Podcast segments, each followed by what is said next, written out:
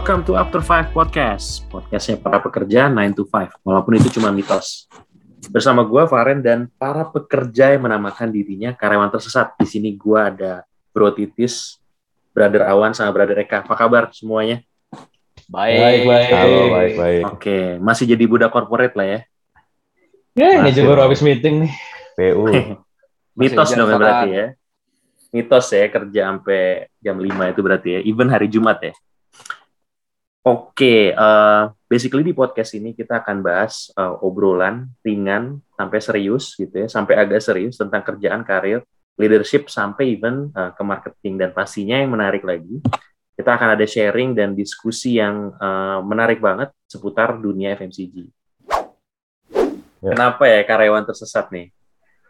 Karena menurut gue di luar sana tuh banyak banget yang kayak kita.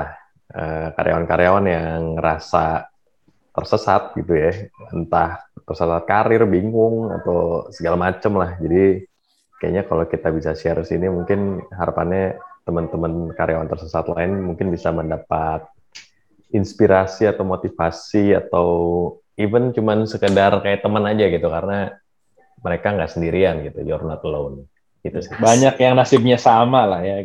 Yoi. Ih, asik. Keren banget ya. Oke, ngomong-ngomong soal tersesat nih ya, tadi. Gue mau bahas sesuatu yang menarik banget nih, soal ketersesatan itu. Ini berawal dari obrolan gue sama temen gue nih, eh, bulan yang lalu lah ya. Baru aja dia pindah company, gue nggak bisa sebutin namanya, by the way. Em, dari FMCG dia ke eh, salah satu startup yang cukup besar lah ya, bisa dibilang ya. Nah, gue cukup surprise. Inisialnya G lagi. startupnya. G kan banyak, Pak. Bami GM juga G kan ya? G depannya. Oh iya. Jadi Udah bi- startup ya. Hah? Oh, startup ya? Iya juga sih. Lupa gue. Anyway, tapi gue cukup surprise gitu dari obrolan itu. Jadi gue nanya, gila lu pindah lagi bro? Cepet banget loh, emang yang kemarin berapa lama? Ya paling setahunan lah, setahun setahun lebih dikit gitu ke tempat kemarin. Hmm. Kenapa lu pindah? Gue tanya gitu kan. Ya menarik offernya, company-nya oke, challenging juga sama role-nya, eh, pastinya oke lah eh, offernya. Dia ngomong gitu kan. Terus gue bilang, gila lo ya, mantep lah, eh, congrats, company keberapa? Tujuh dia bilang, gue kaget Wow. tujuh. Padahal dia basically mirip-mirip lah, umurnya sama gue beda setahun gitu ya. Terus dia paling cuma sambil cengengesan doang tujuh bro gitu kan. Nah dari Nggak obrolan singkat itu, dibanding nah, kenapa? atau itu iya, ada apa-apanya Oh gitu. iya iya iya iya. Inisial inisial. Inisial apa nih nama apa apa nah tapi dari dari obrolan singkat itu ya gue jadi berpikir Wih, gila nih orang kok bisa cepet banget nih pasti ini gajinya naiknya cepet banget kali ya. naik mulu kali ya promote mulu gitu ya bahasa famousnya nih kayak kutu loncat gitu ya ada nggak Iya, nih kan? bahasa Inggrisnya apa sih kutu ya, loncat ka- karena audiens kita juga banyak expat, kutu loncat tuh bahasa Inggrisnya apa ya? jumping flea Jumping- Jumping flea. Flying mites, flying mites. flying mites ya iya iya iya iya intinya kutu loncat lah ya nah gue yakin nih Oke. pasti di sekitar brother-brother sini lulu semua model-model kayak gini nih pasti banyak banget nih atau jangan-jangan lulu pada juga kutu loncat gue nggak tahu kan ya Hmm. nah cuman ada satu satu fakta juga yang menarik yang gue baca gitu ya gue lupa ini HBR atau apa gitu ya justru malah si kutu loncat ini tuh eh, apa namanya eh, seorang kutu loncat ini eh, malah dia tuh shining gitu, bisa shining di company zaman sekarang. Kenapa? Karena dia udah terbiasa adapt, terbiasa agile, walaupun dia tuh cuma sebentar-sebentar gitu ya di satu company ke company lain, tapi dia tuh udah kayak somehow dia tuh punya ability buat adapt cepat, quick win, deliver gitu ya. Jadi justru harganya mahal nih value-nya nih justru nih kadang nih. Nah, tapi itu anyway itu artikel yang gue baca, jadi eh, eh, belum tentu benar juga gitu ya. Nah, menurut lo first thought kalian kutu loncat apa? Eh menurut gua apa ya istilah kutu loncat itu kayaknya diinvent oleh seseorang yang Kutuan. terlalu ya bukan kutuan apa ya eh, ya bisa jadi bisa jadi kutuan gitu ya.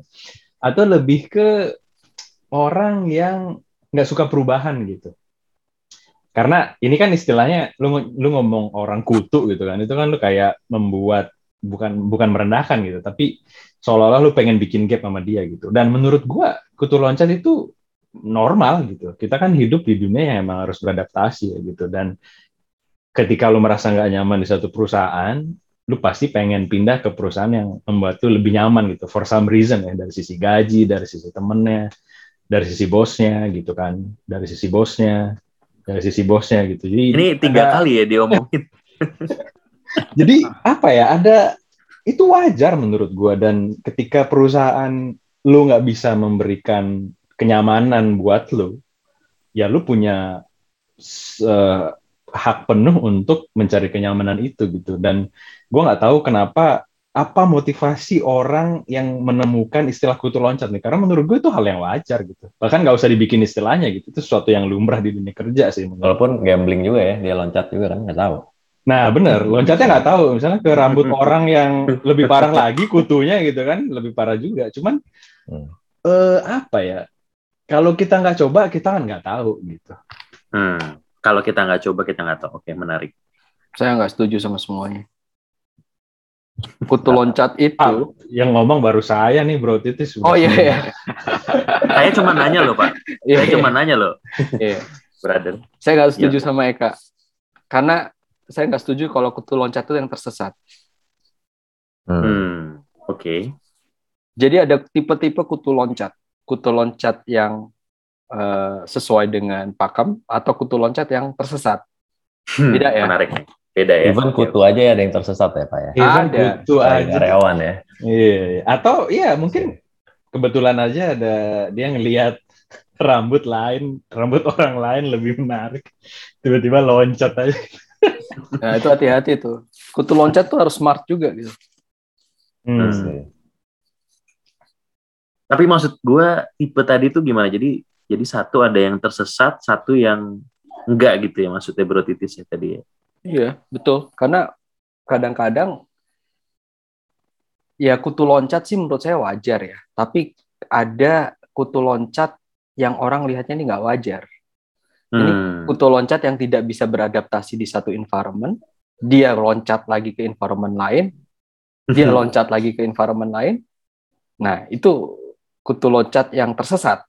Kalau menurut Oke, oke. Dan dia tidak bisa berkontribusi dengan baik gitu ya. Ya, Cuman belum deliver, aja. udah loncat. Belum deliver udah loncat. Belum deliver udah loncat. Oke. Nah, itu Atau yang belum tersesat menurut saya. udah loncat. Oke. Iya, Sampai pada titik di mana dia ketika dia akan loncat mungkin loncat ya udah jatuh. Jatuh dia benar karena dia udah nggak bisa ini ngadepin pressure dan lain-lain lah ya ibaratnya itu kali ya Benar, benar. Jadi ya jangan stereotyping kutu loncat itu jelek. hmm.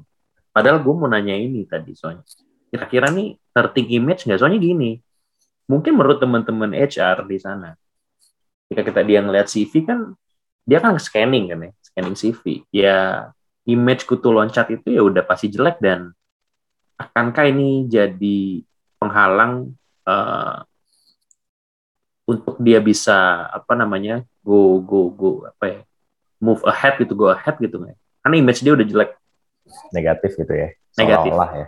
seolah-olah benar padahal ya tadi bisa jadi dia kutu loncat yang smart tadi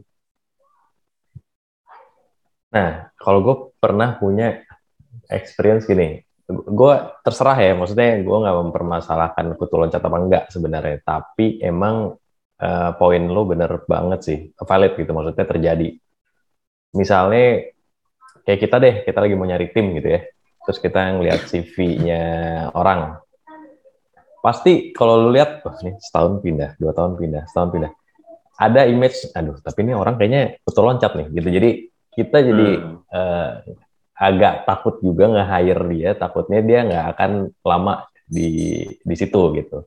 Hmm. Terus misalnya gue ngerekomendasiin orang gitu ya ke teman gue yang lagi nyari tim gitu. Pasti komennya gitu juga. Tapi Wan kok kayaknya nih orang baru dua tahun pindah, setahun pindah. Suka loncat-loncat gitu ya. Nah, jadi ada image itu gitu. Hmm. Nah, walaupun nggak tahu ya apakah apakah dia si kutu tersesat apa enggak, tapi eh, di track recordnya dia di CV itu kalau misalnya dia setahun dua tahun pindah itu pasti ada kesan negatif gitu. walaupun dia itu sebenarnya kutu loncat yang tadi ya, yang deliver ya, walaupun setahun dua tahun. Teman Iya. image tadi di awal ya, image, image di awal. tadi gitu. Itu Hmm. itu jadi kayak consideration orang buat nge-hire, aduh, ntar dia baru setahun pindah lagi, baru kita develop pindah lagi. Ada gitunya. Iya, gitu iya, iya. Iya kayak bagus sih gue milih dia cuman ntar setahun gue udah develop pindah ya buat apa juga Iya, anyway ini gitu. orang experience-nya keren banget sih. Smart Iya, iya. ini kayak pinter nih, tapi kok setahun pindah Iya. ntar jangan di tempat kita gitu lagi gitu. Oke.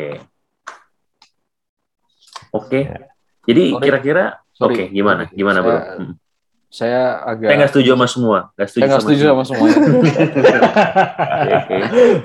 Gimana gimana? ya. kalau saya sih ngerasa gimana ya kalau hurting image sih bukan hurting image juga karena orangnya juga butuh usersnya butuh gitu di Iya. satu Butuh- sisi usersnya butuh, Butuh orang maksudnya. Enggak, butuh orang. butuh Butuh orang apa? gitu butuh orang Oke. gitu kalau Ada pilihan punya- tapi. Ada pilihan. ada pilihan tapi kalau Hmm. dia ngelihat secara capability ini orang bagus banget ya mungkin orang itu akan take risk gitu dan balik lagi ada dua poin yang saya omong tadi eh, tergantung usersnya juga tergantung kebutuhan bisnis needs-nya juga yang kedua ada rule of thumbs-nya sih. Biasanya kalau HR itu ngeliat wah ini kalau kalau saya ya kalau saya eh, saya ngelihatnya ya kalau dua tahun pindah sih nggak apa-apa lah ya. Hmm. Tapi ada kam- Nah, ada iya orang bilang eh, tiga tahun atau empat tahun kadang eh, nggak apa-apa sih. Cuman kan tergantung masing-masing. Cuman kalau saya tahu saya rule of thumb-nya at least orang tuh bisa berkontribusi kalau udah stay di suatu company itu dua tahun. Itu ya dulu ya zaman saya generasi X kalau yang milenial sekarang mungkin lebih di, di bawah dua Lebih tahun kali ya Iya. karena kebutuhan bisnisnya beda gitu Hmm. Iya benar. image image-nya tuh nggak nggak ada yang salah kok orang kalau udah ada bus bisnis needs orang nggak nggak peduli men Iya, iya. Ada Ya, image mungkin- gini nggak Pak? Eh ada image gini nggak? Kayak misalnya, ah nih jangan nih anak nggak tahan nggak nggak tahan challenge gitu misalnya. Jangan dia baru ketemu masalah kabur, ketemu masalah kabur gitu. Loh, tapi Ada kalau di CV-nya ada ada pasti ada probability-nya. Tapi kalau di CV-nya dia dalam dua tahun dia bisa deliver, Hmm, Hmm. I see. Oke. Hmm. Iya makanya lebih ke lebih ke reasonnya sih sebenarnya HR itu yang harus kita tahu terlebih dahulu kan sebenarnya dia itu pindah karena apa sih gitu motivasinya. Nah, ya motivasinya apa Iya, kurang iya sih. tantangan atau dia ngerasa eh, apa namanya dia deserve better gitu for some reason ya gitu itu yang eh, apa ya harus lebih difokusin kali ya dari si HR ini gitu. Hmm, motivasi ya, menarik nih. Jadi kalau ngomongin motivasi berarti kalau menurut lo, jadi motivation driver si Koto Loncat ini apa kira-kira? Kenapa dia juga memutuskan untuk jadi Koto Loncat? Why? Men- menarik nih menarik. Kalau ngomongin motivasi kan nggak jauh-jauh dari Maslow kan. Dia ada hierarkinya gitu kan. wah Mas lo. Nah, ini justru menarik makanya itu gua ngomong di awal itu sah-sah aja gitu. Jadi eh, kita bikin istilah kutu loncat itu sudah salah gitu. Karena kan motivasi orang, needs orang tuh beda-beda ya. Dan ketika perusahaan itu nggak bisa ngasih, ya mau nggak mau secara natural ya orang akan mencari environment yang bisa mensupport itu gitu. Dari sisi gaji, dari sisi mungkin tanggung jawab dia ngerasa dia bisa dap- bisa memegang tanggung jawab yang besar. Atau ibaratnya gini deh dulu gue punya teman di satu salah satu company gue dia minta promote. Eh, jarang-jarang gue lihat orang minta promote. Jadi dia emang seberani itu dan sepede itu gitu. Tapi dia juga punya reason gitu. Kenapa lu mau promote gitu? Loh karena gue bisa ngerjain sesuatu yang bisa gue bisa ngerjain sesuatu yang bisa dikerjain sama eh, manajer gue gitu jadi kenapa gue harus tetap ada di posisi ini gitu? gue bisa ngerjain hal yang sama dan deliver juga gitu Hmm. kenapa gue kalau nggak kalau Kalau- pertanyaannya dibalik gimana kak? Kalau gimana kita tahu nih kalau motivasinya kutu loncat for career progress gitu mungkin kita memahami ya. Hmm, hmm. Tapi ada nggak motivasi yang salah gitu? Atau kutu loncat Ada, yang ada ada tersesat tadi gitu? Nah, menarik, menarik. Motivasi yang salah menurut gua ada. Eh, misalnya nih, eh, ini mungkin terkait sama obrolan kita di awal, topik-topik awal ya gitu. Eh, banyak yang bilang kalau anak-anak sekarang itu tuh terlalu pingin eh, Cepat. cepet naik, Instan. Instan. Instan, instan. ya. Benar. Padahal sebenarnya eh, butuh waktu lah pendewasaan gitu. Jadi lu ada di atas itu nggak cuma masalah skill lu doang, tapi kan emosi lu juga gitu kan. Iya. Nah, emo- emosi itu kan kadang nggak bisa lu nggak nggak bisa instan gitu. Harus lu harus melewati experience lah sampai lu bisa se- sedewasa itu kan, megang tim segala macam. Nah, ketika eh, apa namanya itu terjadi gitu ya, lu pengen lu pengen cepet naik, tapi padahal lu nggak eh, apa namanya emosi lu belum ma- eh, Belum cukup di situ.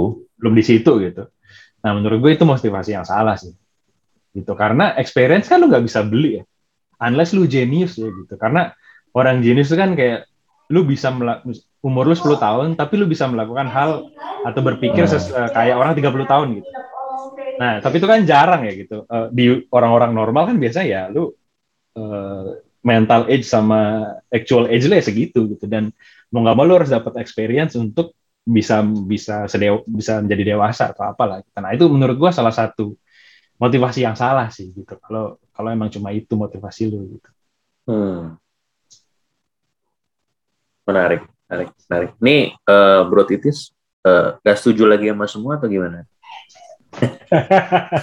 Tapi Oh, oke, oke, gimana gimana? kutu loncat itu sih harus ada strateginya ya. Hmm. Jangan biar nggak tersesat sih. Tapi itu that next topic lah. Maksudnya Panjang gimana? Maksudnya, maksudnya, oke, oke. Gimana lu Kisi-kisi aja, kisi-kisi. kisi-kisi aja. Kisi-kisi aja adalah kutu loncat itu harus ada strateginya dari segi gini. Lu pindah ke tempat yang baru. Ada value Hmm. added nggak buat lu ke depannya? Mm-mm. Hmm. Kalau nggak ada Value edit dan at the same time ini dong, contribute juga dong.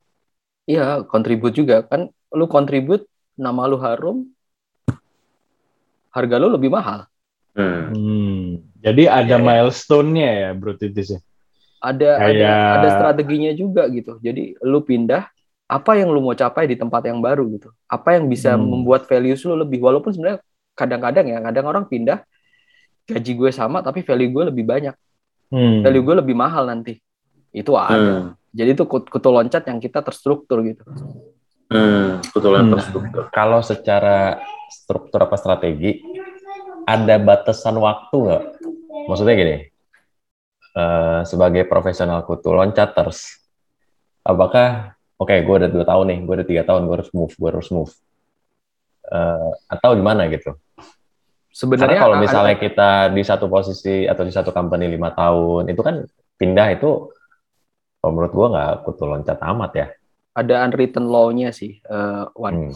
Karena kalau saya sih ngelihatnya gini ya, dua tahun, lu berhak nanya ke HRD, what's next for me? Hmm. Hmm. Kalau lu sudah tiga tahun, nggak ada plan, ya why not? Wajar Hmm. dong, udah dua tahun. Ini kayak banyak yang karyawan tersesat bilang ouch juga nih. Ouch. Gitu. Ouch, ouch, ouch gitu. Gitu. Tapi tapi oke, berarti kan oke ini kalau gue ngomongin tentang kutu loncat yang tadi ya, strategi, terus karir buat advance dan segala macam. Jadi what do you suggest gitu? Kalau emang ini lu bukan kutu loncat tersesat ya, gue ngomong kutu loncat yang smart yang emang struktur tadi. Ini is it going to be in early careers atau mid stage career? Nah, gue sih tergantung balik lagi ya ke yang tadi kayak Bro Titis bilang sih tergantung objektif lo gitu. Hmm. Early career sih sebenarnya bisa aja kalau misalnya emang orangnya punya milestone tersendiri ya. Kayak misalnya gue dua tahun gue harus jadi manajer misalnya.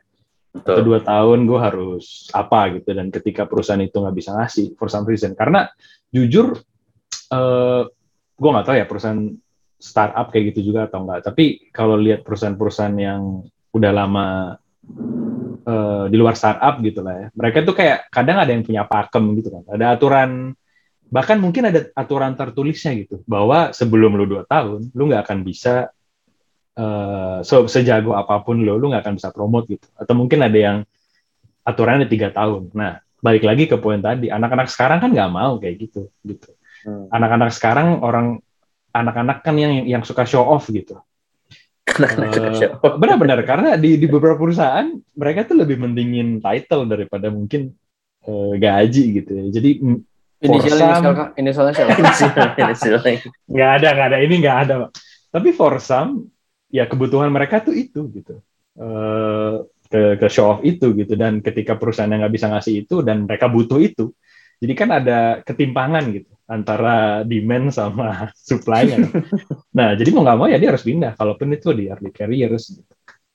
Oke. gue sih balik ke situ ya Jadi it depends on the objective itself lah ya. And then Benar. kita yang yang penting kita yang. Hmm. yang penting lu tahu dulu objektif lu apa. Jadi valid banget yang tadi Bro Titis bilang sih. Lu harus tahu objektif lu apa gitu. Jangan sampai eh, ketika perusahaan lu emang nggak bisa nge-support objektif lu itu, ya lu harus cukup berani gitu. Karena di satu sisi ada ada positifnya juga sih kutu loncat ini gitu. Karena nggak semua orang berani loh loncat.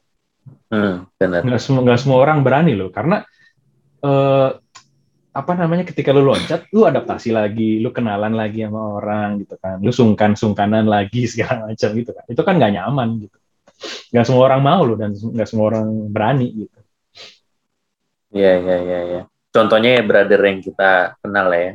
Kan nggak semuanya berani kayak gitu juga ya. benar benar inisial inisial inisial inisial. Oke, oke, menarik ya. Berarti depends on the objective. Oke. Pertanyaan terakhir nih dari gue nih di Jumat malam ini nih sebelum weekend. Jadi itu semua rekomendasiin nggak kutu loncat ini? Ah, mungkin broadcast nih yang harus menjawab pertama nih. Saya dulu nggak apa ya. Saya saya permisi dulu nih. Jawab pertama. Ya. Motivator soalnya bisa memotivasi kita semua. Oh iya, se- sebagai yang paling wise oke deh. Boleh, boleh. Gimana gitu? Kalau saya sih ngelihatnya balik lagi ke karir objektifnya juga sih ya. Misalnya Oke. nih saya saya sih positioning diri saya itu dulu saya tuh pengen jadi marketing director yang rounded. Nah, ada Hmm. satu sisi kalau marketing director yang rounded saya butuh posisi yang saya di sales gitu. Hmm. Nah, kalau company saya yang pertama tidak bisa memberikan saya posisi sales, masa saya harus bertahan di company itu? Sah-sah Hmm. saja. Balik lagi, you have to be loyal to your career objectives, not to the company sih. Hmm, oke. Your career defined by yourself ya, not others ya. Berarti ya. Ya, dan itu sah-sah aja gitu. Ya, ya, Ya, ya, ya. kita kan profesional di sini. Kalau company nggak bisa provide, ya then that's okay gitu. Hmm. Sangar sih.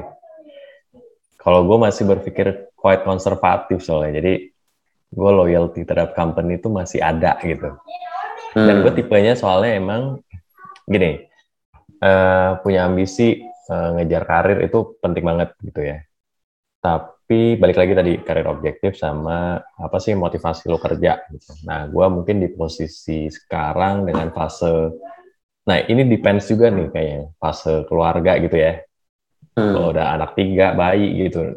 Jadi gue rada ada eh, consideration yang berbeda juga tuh. Gue consideration eh, secara company culture, eh, people people-nya gitu ya. Nah itu yang membuat gue juga considering banget untuk eh, loncat-loncat itu gitu. Jadi gue lebih selektif, selektif. selektif dan mungkin gue put priority kalau gue bisa develop di within company dan itu will- will be my uh, first priority gitu. Tapi kalau enggak dan benar juga kan sebenarnya kan kita nggak nggak harus loyal to our tadi ya uh, career objective juga gitu. Baru itu Hmm. menjadi second opinion. Itu Oke. sih kalau gue. Konservatif way. Oke. Ya nggak ada yang salah juga sih. Benar juga gitu, valid point juga. Eka gimana kak? Lu gua lu, Gua lu agak oke ekstrim apa enggak nih? Yes or no nih? gua Ekstrim. agak ekstrim gua agak ekstrim lu harus jadi kutu loncat kalau bahasanya kutu loncat lu harus jadi kutu loncat lu harus berani gitu karena ya jangan jadi katak dalam tempurung lah gitu lu nggak Wih, tahu deh. di luar sana. Aduh. karena logikanya tuh sama gitu kayak merantau sama lu pindah company itu kurang lebih sama lah dari pengalaman gue ya. Eh, apa namanya ketika lu Pantau. ya, lu jadi anak rantau lu kan ngerasa dulu di kampung lu kayak "Ah, anjir gue udah paling gini lu- dulu Raja Bali gitu, Raja Oh Kelungkung. iya, gitu. Maksudnya. paling tahu, gue paling tahu semua pangeran gitu kan. Oh, Tapi gitu. selalu keluar, lu Megang akan tahu, lu akan tahu lu tuh cuma minoritas doang gitu. Lu tuh Hmm. ya udah banyak lah yang yang sepintar lu gitu. Atau bahkan masih banyak lagi yang lebih pintar dari lu gitu. Dan ketika lu stay di satu tempat doang, lah, Hmm. lu lu akan tet- tetap punya apa mindset itu. Tapi ketika lu keluar, lu akan tahu ah, gue harus lebih pintar lagi nih gitu. Eh, ada orang yang lebih pintar dari gua, gua akan denger pendapat dari orang yang mungkin gak akan pernah gue denger di perusahaan sebelumnya gitu. Tapi memang again yang gue bilang itu perlu courage gitu. Nggak semua orang berani, nggak semua orang berani mengambil resiko itu gitu ya. Dan nggak semua orang bisa beradaptasi gitu. Tapi again balik lagi, lu harus benar-benar tahu objektif lu gitu. Jadi jangan cuma pindah doang for the sake of ya lu pengen pindah karena apa ya eh, ngerasa perusahaan sebelumnya eh, sucks gitu ya atau lu eh, apa namanya ngerasa ada ada suatu masalah lah. Intinya jangan keluar karena masalah pribadi lah gitu. Selama lu masih bisa eh, mengerjakan itu ya kerjain gitu. Cuman harus ada objektif gitu. Apa yang akan kayak tadi Bro Titis bilang, lu mau dapetin apa nih ketika lu pindah gitu sih. Ya, menarik banget ya diskusi malam ini ya. Jadi gue bisa dapat berbagai angle yang gue even nggak kepikiran gitu di awal.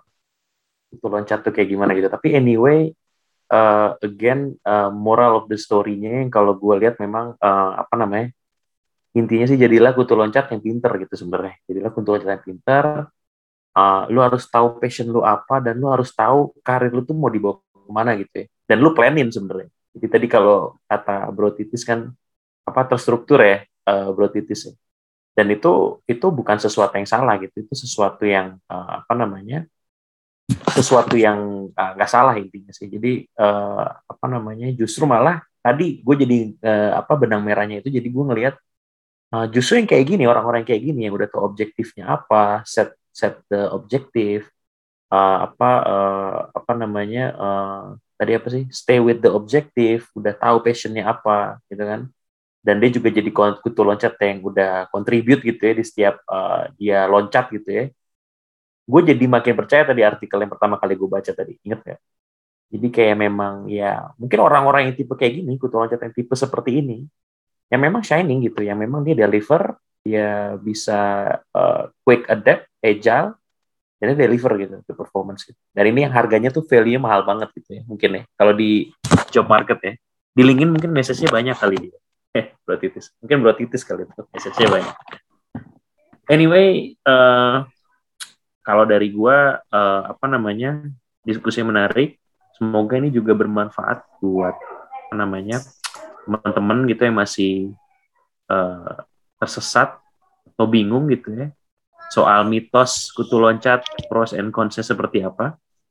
Hmm, atau mungkin ada orang yang udah pengen banget pindah tapi takut dibilang kutu loncat. Ya semoga Betul. ini bisa jadi perspektif beda lah. Gitu. perspektif beda benar, benar. Perspektif beda. Jadi nggak cuman ya, jangan takut. Tadi kalau lu bilang berani ya? Yes. Kalau berani jangan takut takut kalau takut harus berani sih yes Tapi ada satu sih, kalau misalnya ada yang merasa kita masih tersesat, ya kita juga open kok kalau ada input dan feedback gitu ya Ren ya. oh pasti dong. Karena kita di sini juga orang-orang yang tersesat juga ya. Mungkin kita juga kita juga apa namanya bukan berarti kita ini uh, sempurna tapi kita juga pernah tersesat. Tapi justru tersesat itu hikmahnya banyak banget sih kalau gue lihat. Dengan lo tersesat lo bisa tahu untuk uh, lu belajar bisa jadi lebih pinter dan ya lu nggak tersesat lagi gitu anyway kayak gitu ya ya Mungkin bisa Oke. tahu tujuan hidup lo gitu itu tujuan hidup lo benar benar benar mungkin bisa Nah, jadi itu- next topik sih. Tersesat membawa nikmat. Itu itu kayak film itu ini ya. ini pak itu tulisan Indonesia. di truk itu tulisan di Tulisan truk. tapi itu gua masuk mana sih tersesatnya? itu itu itu nggak tersesat pak Oke. Tapi anyway, topik kali ini menarik. Masih ada ketersesatan lain gitu ya yang nanti kita bisa bahas di minggu depan. Eh, kita bahas lagi. Oke. Eh, thank you. Happy Thank you weekend. semua. Good night. Good night. Mantap. malam tersesat Ngobrol-ngobrol lagi ya. bye bye bye bye